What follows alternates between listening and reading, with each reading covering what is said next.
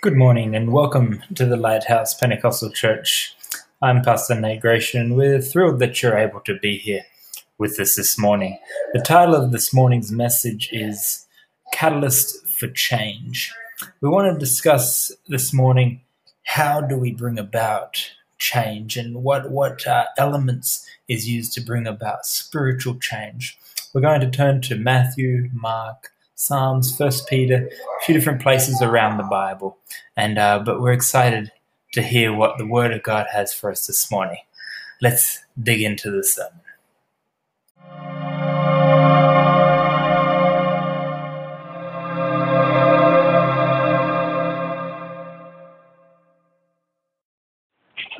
Simple things, but carry big meaning. The smallest statements and the smallest things can carry us the carry the biggest meanings, biggest statements. Jesus said on the cross, It is finished. So much in just two words, so much Jesus said, the scripture says in one verse all by itself, Jesus wept. Two little words, but such big consequences, such big meaning behind it. And so when we say two words, when we say little phrases, cliches, God is good all the time God is good. Uh, it's not just God is good when there's good times, but God is good, period. There's no God is good during this time or that time, but God is good all the time. And so when we sing the song, I surrender, doesn't mean just a nice little song that we sing, but it carries huge weight behind it. When we sing I surrender, it means I give everything to you. I give everything to you. My job, my career, my family, my future, my past, my present, the things I struggle with, my abilities, my talents, my strengths, my weaknesses. I give them to you. What for? For God to work with. For God to work with.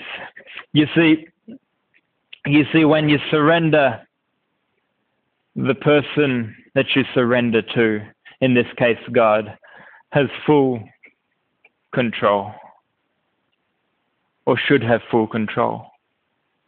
If he doesn't, news flash, you haven't surrendered. If he doesn't. So it's not a simple statement, but how? How do we surrender?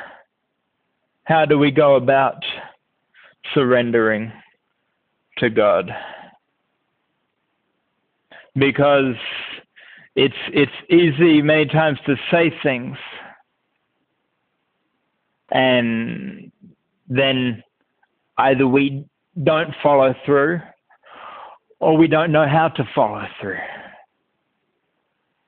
We say things and then we don't follow through, we don't know how to follow through. I see this at my at my job. Okay? People get a gym membership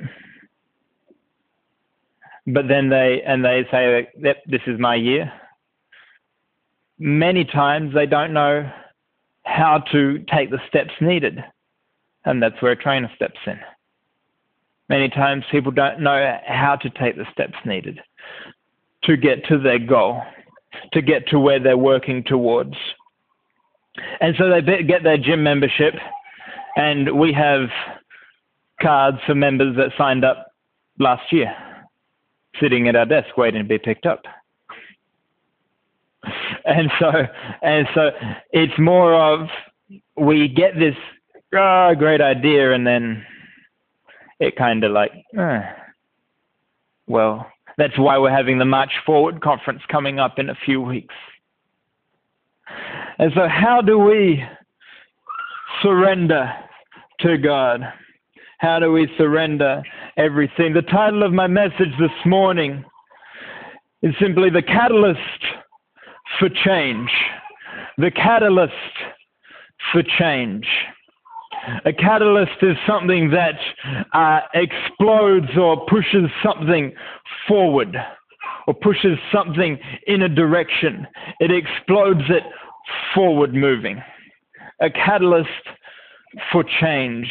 When you truly surrender, when we truly surrender to God, I'll let you know there will be change there will be change involved. And whether we realize it or not, change is what we want. Change is what we need. Now, we all make the statement that we don't like change, and that's true. On the surface, we don't like change. But change, really, in our innermost being, is what we want and what we need. We need change in our lives. If you don't have change, technically, there's a level of insanity there.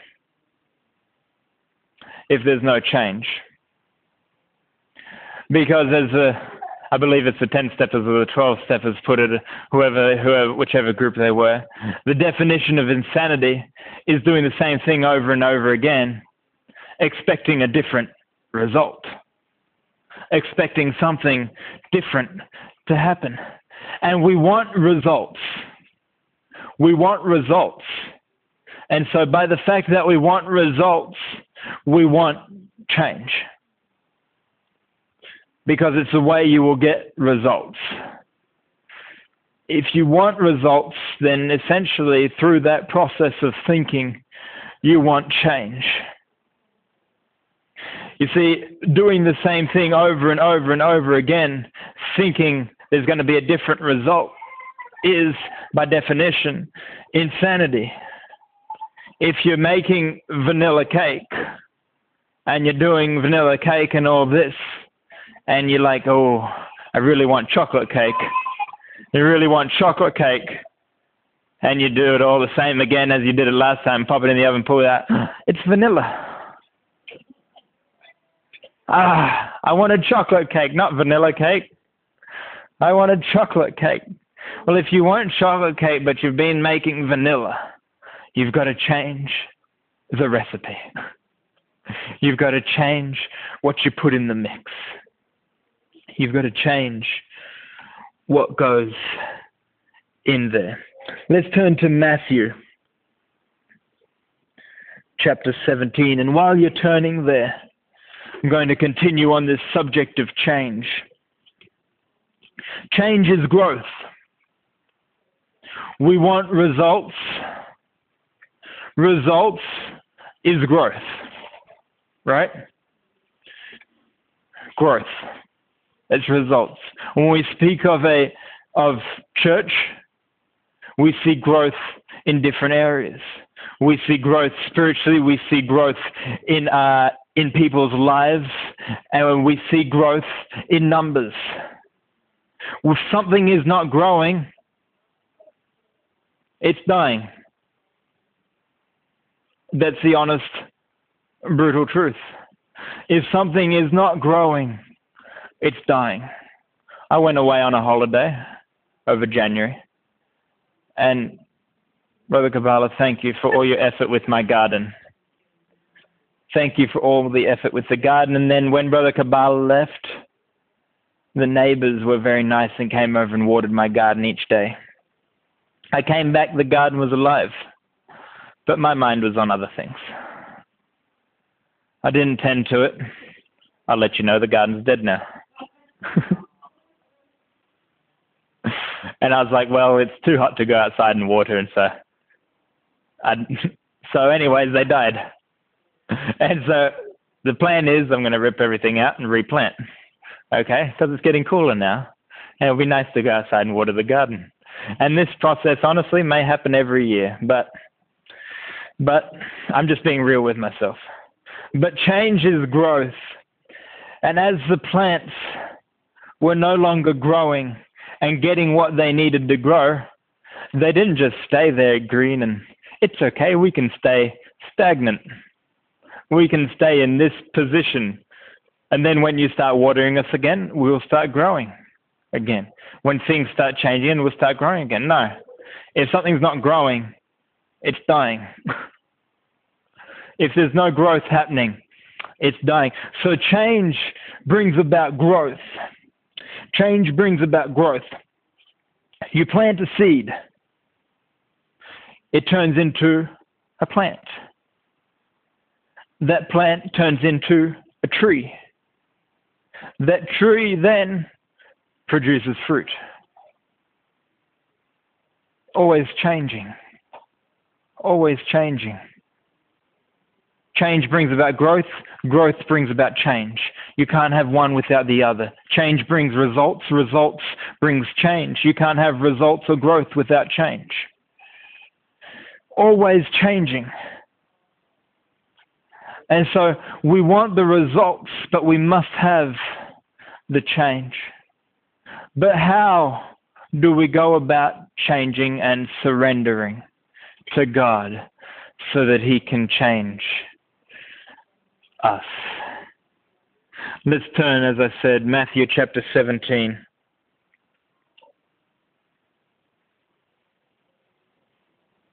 Verse 14.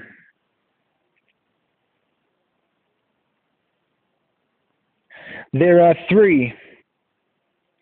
There are three elements that, when combined together, will make change seamless smooth and a process that is enjoyable. Why? Because it brings the involvement of God into the process of change. On the physical level, we don't like change. It's true. But on the spiritual level, we like change because we want God to change things we come here on Sunday for our lives to be changed. We read the Word of God so that it changes our lives, so that it impacts our lives. Matthew 17, verse 14. And when they were come to the multitude, there came to him a certain man, kneeling down to him, and saying, Lord, have mercy on my son, for he is lunatic and sore vexed. For oft times he falleth into the fire and oft into the water. What does the man want? Change. he wants results. And we're like, yeah, but that, that's good change. It's good change. Well, good change is still change. He wants something to change.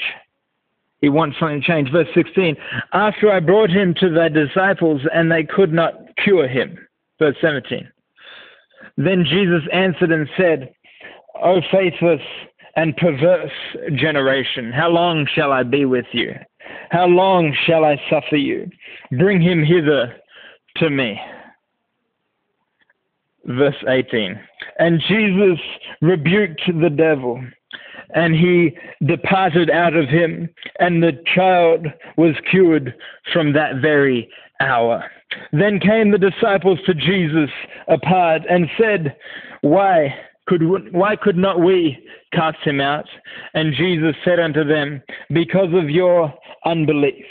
For verily I say unto you, if ye have faith as a grain of mustard seed, ye shall say unto this mountain, Remove hence to yonder place, and it shall remove, and nothing shall be impossible unto you.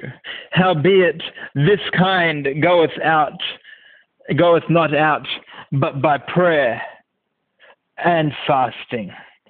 But by prayer and fasting. The first two elements to bring about change is prayer and fasting. Prayer and fasting, they're the first two elements to bring about change that will bring results. Prayer and fasting. Now, when Jesus prayed to the child that was a lunatic, possessed, whatever, when he prayed, how did he pray? He commanded it to leave. He commanded it to leave.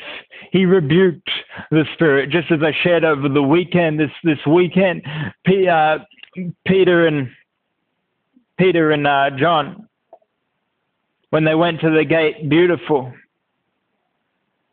They prayed to the sickness, and they told the sickness to leave, and they just told the man to rise up. There was commandment involved.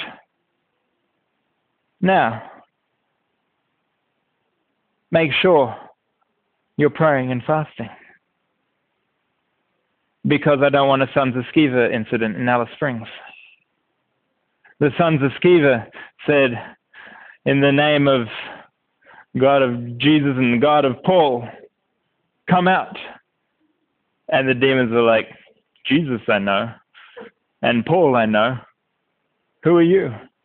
And they proceeded to strip them, and they ran naked through the town. Okay? So you got to be praying and fasting when you're going to start commanding things. Because there's elements, these elements must be for results and for change in your life.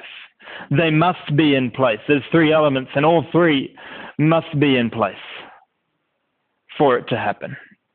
If prayer and fasting isn't something of your routine, then honestly, don't enter into spiritual warfare. You may be like, what? I had a young I had a young person who wanted to go pray and rebuke a witch in town. Uh, this was in the US when I was a youth leader there. Rebuke a witch in town, and uh, I said, "Don't, don't go." I told her not to go. I said, "No, no, no." She went. She went, and shortly after, she was overtaken by the spirit of homosexuality. We fight a war. We fight a war, and we want to see change. We want to see results in the war. You're going to have battles. You can't have victories without battles. We're going to have battles. We are in a war. We must and we want to see results. But if we, but if we are going to see the results we want and the change that we want, we must be surrendered to God. Because it's His war, it's His battle. Vengeance is the Lord, says the scripture. The battle is not mine, the battle is the Lord's. The battle is His. The war is not mine, the war is His. He's already won, but we, we wage war against principalities. We wage war. And so we want results to come about. We want things to happen. But prayer and fasting must be at the core, at a central focus of our lives and of the church. Let's turn to Mark 16, 17.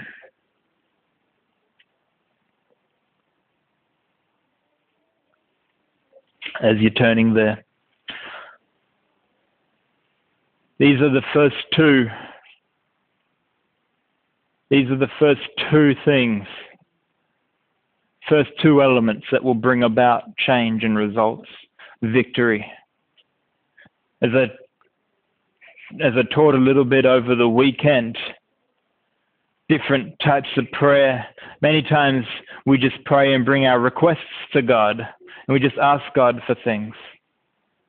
But I encourage you to pray and sometimes just praise God and worship God and nothing else.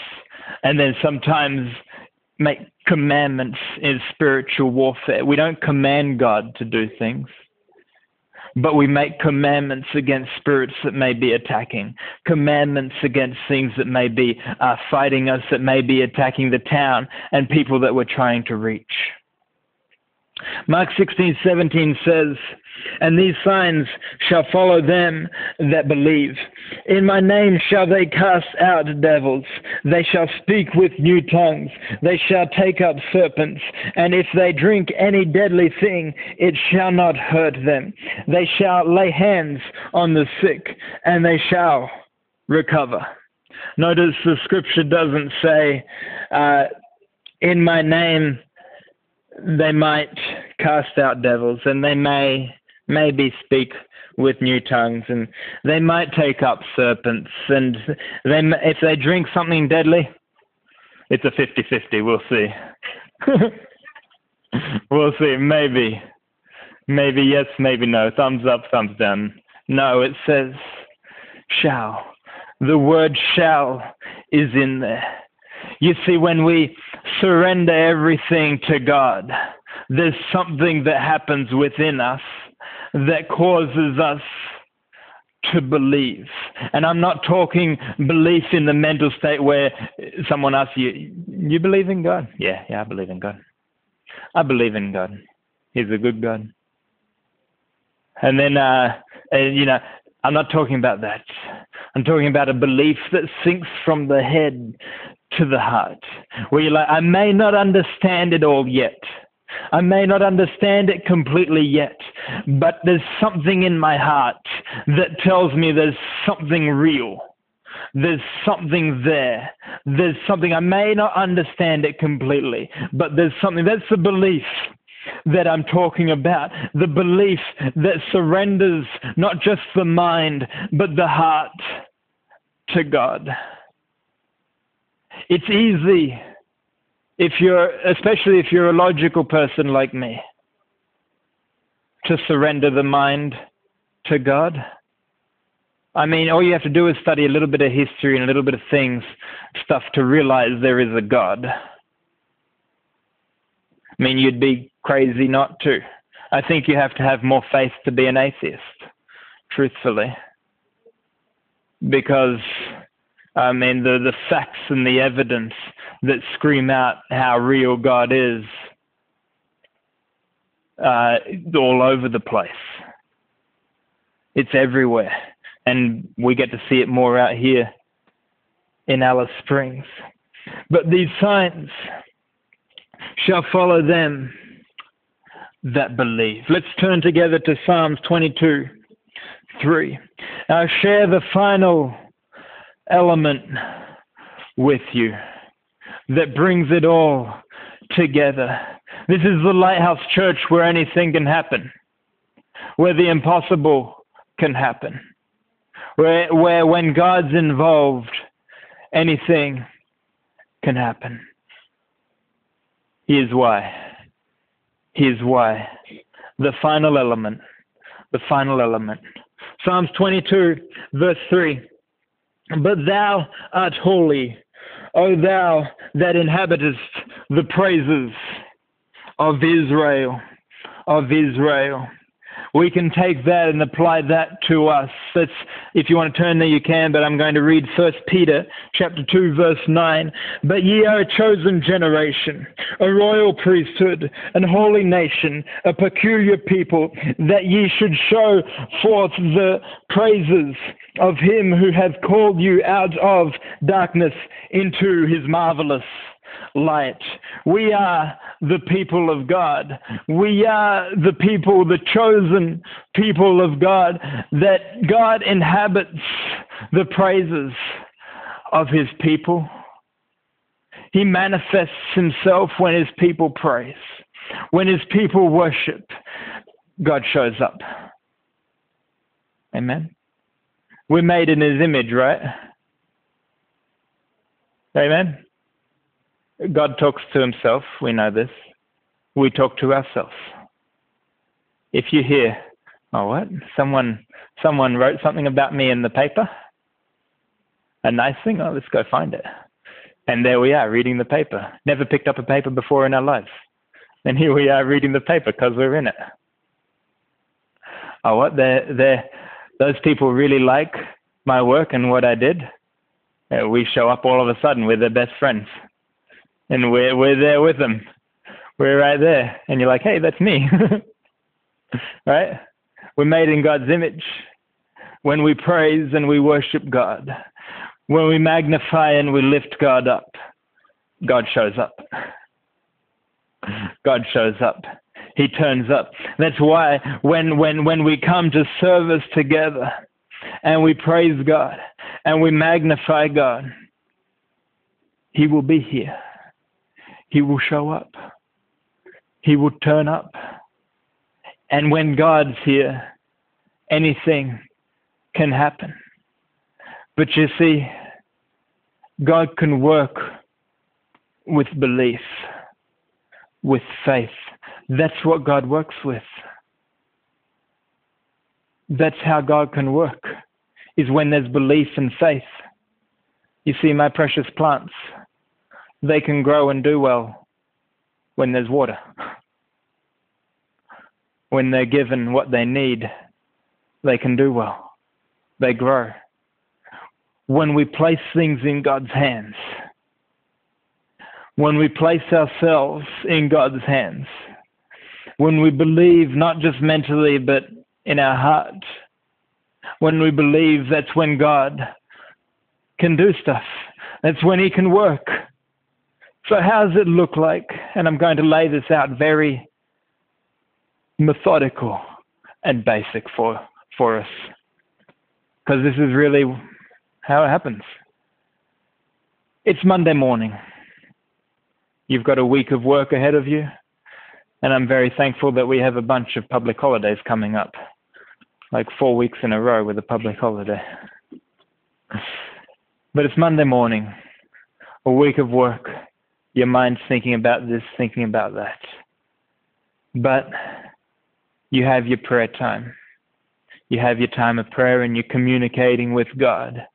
You're communicating with God and God works in your life a little bit that week and He shows you that He's there. And then you have a day of fasting where you fast, maybe two days that you fast. I, I, I don't know, but you're fasting. And then you come to church on Sunday. What's that done for you? That prayer and fasting? It's put you in connection with God, firstly. It's put you in contact with God through the week, firstly. But secondly, on a very, on a very physical level, on a very human psychological level, we come knowing, yeah, I've had a really good week. I've prayed. I've talked with God. I've spoken with God. I've shared things with him. He's he did this little thing and that little thing for me, and he moved in in my life this week, and these these things happen, and we come to church, and then we combine it with praise and worship with the church. We combine it with praise and worship. And you see, praise and worship is like setting match to a, setting light to a fuse. You see, you need the powder keg and you need the fuse. And the final element is grabbing something and setting fire to it. And that's what praise and worship is like, is setting fire to the fuse. Because what happens is we walk into the doors, into the service, and we come with an attitude of expectation We come with an attitude that something's going to happen, that I'm going to receive something from the Word, that God's going to reveal something in Scripture to me, or that something's going to happen in my situation, or during the praise and worship, I'm going to feel the presence of God, and I'm going to, and it's going to be an outbreak. We come with that expectation and we begin to worship and praise God. And as I shared last week, we begin to magnify God. And you see, magnification. And when we praise God, magnification, same, same kind of thing. Magnification is to make something bigger and to exalt something, to make it bigger. And so as we praise God, and as we worship God, as we magnify God, in our, in our focus, in our mind, God becomes bigger. And we see God for who he really is. Not something that can maybe, maybe take care of this trial or situation, but something that is bigger, far more stronger than any sickness or any disease or anything that can t- bear us, take us down, or, or give us a hard time. We see God how He really is. How He really is. And it begins to change us. And that change brings about results. Prayer, fasting, praise, and worship are the catalysts for change.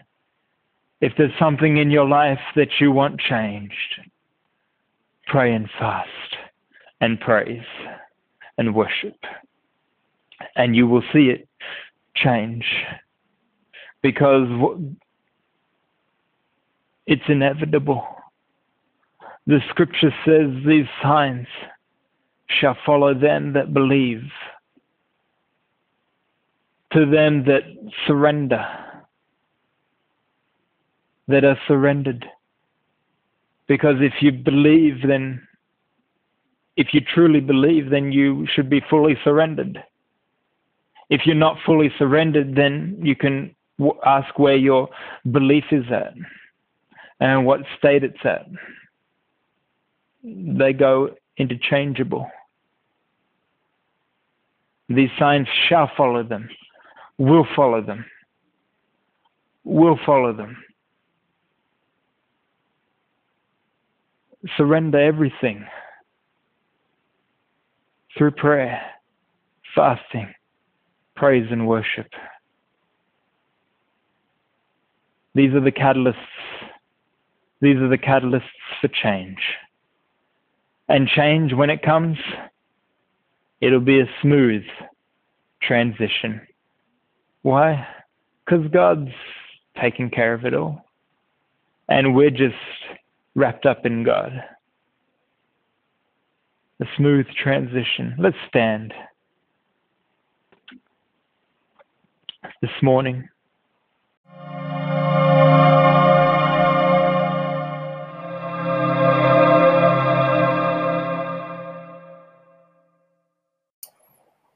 Thank you so much for joining us this morning. So glad that uh, you took this time and you were able to uh, hear what God has for you in His Word. I pray that the message has touched your life and that God's ministered to you, whatever situation, whatever you may be facing. Always remember that no matter what, we must strive to bring about these elements, and no matter how we may feel, if we can just praise God, worship God, and uh, pray and continue fasting, uh, results will come. God will manifest Himself in the middle of your trial. God bless. Have a blessed and a wonderful week.